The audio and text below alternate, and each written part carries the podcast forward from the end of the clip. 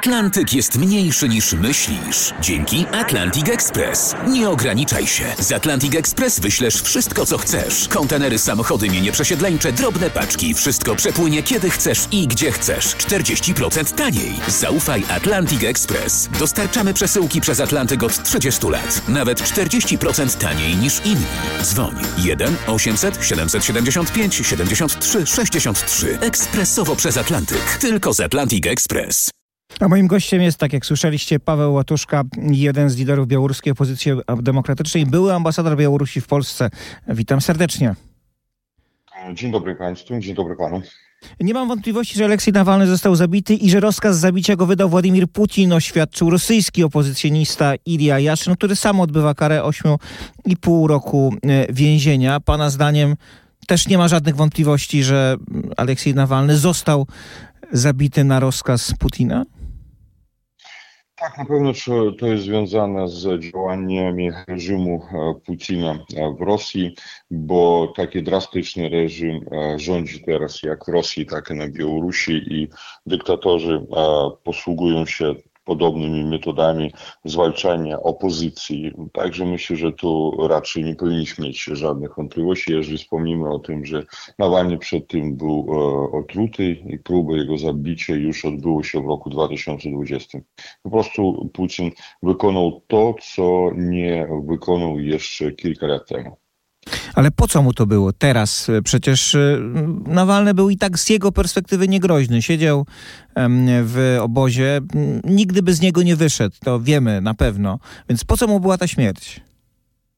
Mściłość, moim zdaniem, że e, Putin jest taką osobą, który e, będzie zawsze podchodził w ten sposób do osób, które są przeciwko niemu, którzy publicznie powiedzieli protest, wypowiedzieli protesty, którzy nie zgadzają się z jego polityką. I to jest logika polegająca na tym, że naprawdę wszyscy będą mówili, po co to zrobić Putinowi, kiedy e, blisko są wybory i nie jest to logiczne. Właśnie w tym jest i logika, że lepiej to zrobić teraz i mieć ten argument, że to na tym nie zależało Putinowi. Czyli chcę pan powiedzieć, że logika e, despoty jest trochę inna niż logika um, człowieka mieszkającego na Zachodzie i nawet polityka, który analizuje świat z innych kategorii. No na pewno, bo jeżeli mówimy na przykład o rozpoczęciu wojny przeciwko Ukrainie, kiedy Putin mówi o tym, że rozpoczął tą wojnę w związku z tym, że Ukraina stwarzała zagrożenie dla Rosji, wspominamy od razu tak, jak mówił e, jeszcze e, za czasów II wojny światowej Hitler, bo kiedy zaatakował Polską czy Czechy również mówił, że istnieje zagrożenie dla Niemiec. I taką logiką stosuje Putin e, w stosunku do Ukrainy, w stosunku do opozycji. I to, co ciekawe, że o tym mówi ostatnio i Łukaszenka, chociażby dwa dni temu publicznie. Za chwilę do Łukaszenki przejdziemy. Jeszcze chciałem się zapytać o wywiad mm, Putina dla Takera Carlsona, w którym Putin mówił, że on nie zaatakuje ani Polski, ani krajów e, nadbałtyckich, dopóki nie będą one stwarzały zagrożenia, nie będą atakować Rosji. Ale z pana wypowiedzi, z pana logiki wynika, że oni to, że on to może zrobić, ponieważ z jego perspektywy samo istnienie tych państw może stanowić zagrożenie dla Rosji, a co więcej, pomoc Ukrainie takie zagrożenie z jego perspektywy stanowi. Każdy pretekst, który będzie e, odczytany przez Putina jako zagrożenie, może być powodem agresji w stosunku do krajów e, NATO, do krajów graniczących z Rosją i nie tylko. On może oczywiście wykorzystać również terytorium Białorusi e, w tym celu. Sam fakt rozszerzenia NATO już jest zagrożeniem z punktu widzenia Putina i on się nie zgadza tym, że Finlandia która graniczy z Rosją, że Szwecja e, wstępuje do e, NATO i to już jest odczytywane przez Putina jako zagrożenie. To jest odczytywane przez niego jak łamanie e, zasad, na których jakby, na które powołuje się jeszcze z roku 1991. On faktycznie wyklucza prawa dla państwa decydować o swojej przyszłości, decydować samodzielnie, bo on chce narzucać dla tych państw jakąkolwiek decyzją w polityce e, e, zewnętrznej. Czy śmierć Nawalnego jest jakimś momentem symbolicznym, przełomowym w Rosji? Czy to jest moment, kiedy przechodzimy od autokracji, przechodzi Rosja od autokracji ku jakiejś formie no, już po prostu totalitaryzmu? E, na pewno tak, bo samo istnienie opozycji teraz w takiej sytuacji jest pod ogromnym znakiem zapytania, bo trzeba mieć wolę i charakter teraz być w opozycji przeciwko Putina, e, jeżeli zdajesz sobie sprawę, że każdego dnia możesz być zamordowany. I e, Putin to robił niejednokrotnie przez lata. Nie była odpowiednia reakcja ze strony Zachodu i faktycznie no, teraz e, działanie w opozycji spotyka się z ogromną ryzyką dla każdej osoby. Także oczywiście e, na dzień dzisiejszy mówić o perspektywach rozwoju ruchu opozycyjnego w Rosji dość ciężko. E, opozycja jest rosyjska słaba, podzielona.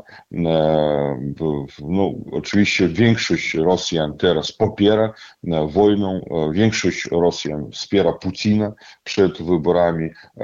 Także mówić o tym, że perspektywy zmian w Rosji dla opozycji są no, nie, nierealistyczne w tym momencie.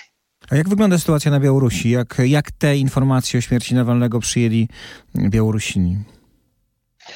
No, na Białorusi to się dzieje już od lat. To nie jest jakaś nowość. W więzieniach białoruskich umarło niestety już pięciu więźniów politycznych. Właśnie parę dni po śmierci Nawalnego umarł e, kolejny więzień polityczny, e, Igor e, Lednik i to już piąta ofiara. E, drastycznego reżimu e, Łukaszenki na Białorusi. Chociaż jeżeli popatrzmy na opinię społeczną, to większość Białorusinów na przykład nie popiera Łukaszenki, większość Białorusinów nie popiera wojny. I to jest ogromna różnica pomiędzy sytuacją w społeczeństwie białoruskim, w społeczeństwie e, rosyjskim. Oczywiście opozycja białoruska działa teraz w podziemiu, e, to raczej jest taka e, zamknięta partyzantka i Łukaszenko stosuje metody w stosunku do opozycji no, bardzo drastyczne. Może jednego dnia zatrzymać, jak to było na przykład 23-24 stycznia 700 osób, no, ale za fakt przekazywania paczek z jedzeniem dla więźniów politycznych zostało zatrzymanych w Mińsku 70 kobiet. W Brześciu też co najmniej 70 kobiet starszego wieku e, i teraz na przykład ostatnio miałem spotkanie wczoraj z e, kobietą, która wydostała się z więzienia na Białorusi i wyjechała do Polski. Mówi, że no to starsze panie, które są uczulone i które chcieli pomagać więźniom politycznym, teraz siedzą, siedzą w więzieniu. No, no to jest bardzo drastyczna sytuacja, dlatego że kobiety, matki, w, no, zarówno w Rosji, jak i na Białorusi, przekazujący paczki, opiekujący się synami siedzącymi w więzieniu, to jest bardzo stary, taki zakorzeniony w myśleniu e, element rzeczywistości. No, nie chcę sięgać do XIX wieku, no ale nawet matki żołnierzy z Afganistanu, to były właśnie te kobiety, które które są w obrazie, w tej zbiorowej wyobraźni zarówno myślę Białorusi, jak i Rosji. To jest działalność ekstremistyczna, a według oceny prokuratorów Łukaszenki. Każda pomoc, jakakolwiek pomoc dla więźniów politycznych to wspieranie działalności ekstremistycznej i jest ona korana na podstawie artykułów karnych kodeksu karnego e, Łukaszenki. Białorusini nauczyli się trzech słów. E, szyzo i szklanka. Inkomunikado mamy sześć osób, e, kiedy nie znamy, co się dzieje z nimi już faktycznie rok czasu. Mikołaj Statkiewicz, Maria Kalesnikowa, Sergiej Cichanowski, Wiktor Bobaryka i inni nie wiemy absolutnie, czy nadal żyją, czy już nie żyją, bo rok nie ma jakiejkolwiek komunikacji z nimi. Szyzo to są karcery, gdzie można spać tylko 6 godzin, a później łóżko się zamyka i człowiek musi siedzieć na surowej podłodze, a to jest pokój 2 na 3 metry. Jeżeli mówimy o szklance, to właśnie do takich szklanek wsadzane kobiety 70 lat, boso nad podłogą betonową, nie podawane im jedzenia ani wody i tam człowiek może tylko stać, on nawet nie może usiąść. I do takiej szklanki można wsadzić dwie, trzy kobiety. I możemy wyobrazić, jak, jaka to jest sytuacja dla tych ludzi tortury na Białorusi jest codziennością w stosunku do więźniów politycznych, a mamy ich 1600. Jeżeli porównamy z Rosją, która, gdzie mieszka 140 milionów, to tam więźniów politycznych jest 100 osób. Na Białorusi, gdzie mieszka 9 milionów, co najmniej 1600 więźniów politycznych. Także to jest nie do sytuacja. Putin naśladuje Łukaszenkę. Łukaszenka robi jemu przykład, a później Putin bierze z tego przykład i realizuje to na terytorium Federacji Rosyjskiej. Nam oczywiście boli, kiedy cały czas mówi się o Rosji. Nie chcemy to porównywać. Śmierć Nawalnego to jest tragedia, ale jeżeli już od lat umierają więźniowie polityczni na Białorusi, o tym się tak nie mówi i nikt tak naprawdę nie przyjmuje się tą sprawą, to nam boli. Białorusinom naprawdę boli. Rozumiem, że dokładnie tak samo wygląda też sytuacja Białorusinów. Powiedział pan o przekazywaniu paczek. W Rosji można zostać aresztowanym za stanie z białą kartką na Placu Czerwonym na przykład. Rozumiem, że na Białorusi jest bardzo podobnie jakakolwiek forma protestu, y, nawet milczącego, nawet z białą kartką, jest natychmiast karana więzieniem, czasem wieloletnim. No, białą kartkę zatrzymywane byli osoby na Białorusi już od roku 2020. Przez więzienie przeszło, e, przeszło już ponad 60 tysięcy ludzi. Setki tysięcy opuścili e, Białoruś. Nie tylko białą kartkę, nawet rozmowa, którą ktoś będzie śledził ze mną, z panem teraz na Białorusi, to człowiek trafi do więzienia, bo pan rozmawia z ekstremistą.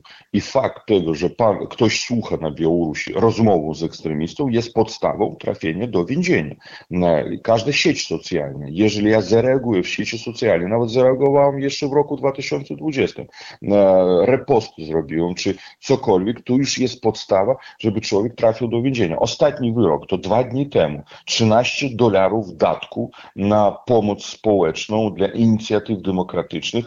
Pa, pan dostał 5 lat więzienia, 13 dolarów i 5 lat więzienia. Kobieta przekazała 70 dolarów, wróciła ze Stanów Stanów Zjednoczonych, obywatelka Białorusi, 67 lat, 7 lat więzienia. I to jest codzienność. Każdego dnia. Pan sobie nie wyobraża, jeżeli pan otworzy um, prasę demokratyczną na Białorusi, każdego dnia są zatrzymywane i skazywane osoby. To nie jest, tak nie jest w Rosji. I to już dzieje się 3,5 lata. Popełniono 136 tysięcy zbrodni przeciwko ludzkości na Białorusi. To tylko po maj 2023 roku. 136 tysięcy zabójstw, morderstw, gwałty w stosunku kobiet, mężczyzn niepełnoletnich, politycznie zmotywowane wyroki, e, przymusowa deportacja, przymusowe zniknięcie osób. To wszystko kwalifikuje się jako najcięższe przestępstwo międzynarodowe, przestępstwo przeciwko ludzkości. I my stawiamy pytanie, pytanie o odpowiedzialności Łukaszenki, a tak naprawdę nikt się tym nie przyjmuje. My jako siły demokratyczne przygotowaliśmy wszystkie raporty. Potrzebne tylko wola polityczna, żeby te sprawy zostały skierowane do Hagi i Łukaszenko dostał nakaz aresztowania. Inaczej stracimy społeczeństwo białoruskie, które walczy, idzie do więzień na wielu lat, a nikt nie, sta, nie jest w stanie nawet wykorzystać instrumentów prawa międzynarodowego, żeby ukarać tych zbrodniarzy. Co dalej z Andrzejem Poczobutem? E, Andrzej Paczobut ma bardzo mocny charakter. To jest człowiek, przykład, który również daje nam wszystkim przekaz, bo już miał e, kilka razy propozycję, na ile wiem, napisać prośbę o ułaskawienie prosić Łukaszenkę o tym, żeby jego wyzwolił, przyznać się do winy, do mm, przestępstwa, którego nie popełnił, uznać jego za prezydenta, kiedy on nie jest prezydentem, ale nie robi tego. I w ten sposób swoją postawą daje sygnał nam wszystkim. Ja walczę, ja się nie poddaję, ja ryzykuję swoim własnym życiem, bo ja chcę, żeby Białoruś, białoruski naród był wolny. I ten przekaz, on również kieruje do polityków świata demokratycznego. Zróbcie coś, bo ma prawo napisać ten list i raczej, raczej myślę, że Łukaszenka jego odpuści, bo wie o tym, że Polsce na tym bardzo mocno zależy, ale on tego nie robi. Będzie kolejny kryzys z uchodźcami na granicy białoruskiej. Wiadomo, że tam wydarzyły się nawet pewne aresztowania, paradoksalnie. Rzekomo aresztowano ludzi, którzy przemycają ludzi. Czy to jest zapowiedź e, zwrotu Łukaszenki? To jest jakaś gra? Czy to jest po prostu odczekanie odpowiedniego momentu, żeby znowu na polsko-białoruską granicę uderzyły służby specjalne Białorusi wykorzystujące migrantów do swoich celów? Łukaszenka jest marionetką Putina i będzie robił to, co mu powie Putin i będzie oczekiwał rozkazu. Łukaszenka nie jest w stanie zakończyć kryzę migracyjną, jeżeli nie zechce tego Putin, bo mamy otwartą granicę pomiędzy Rosją a Białorusią. Migranci nielegalni, których zaprosił w cudzysłowie Łukaszenka na Białoruś jeszcze w roku 2021, w pierwszej kolei przyjeżdżali, przylatywali samolotami. Teraz oni przychodzą przez terytorium Rosji, przez otwartą granicę rosyjsko-białoruską na teren Białorusi, dalej idą na granicę z Unią Europejską, z Polską, z Litwą, z Łotwą. Także decyzja nie jest podejmowana w Mińsku. Decyzja będzie podejmowana w Moskwie.